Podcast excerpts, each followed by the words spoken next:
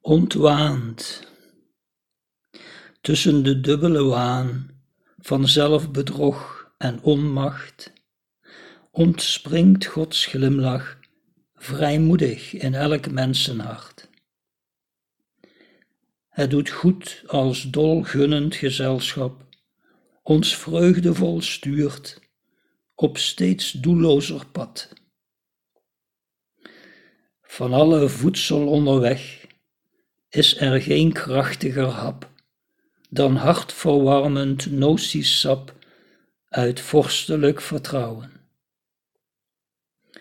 Zo zijn we doodnormaal gestart en stilletjes voorzien, achterwaarts voorgoed voltooiend deze dysfunctionele thuiskomst.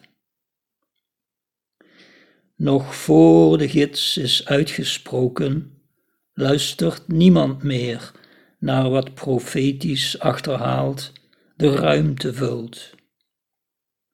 Ook zonder bemoedigende tongen zijn wij al intiemer mens, want overal bespoeld, ontwaakt en opent zich ons magisch weefsel.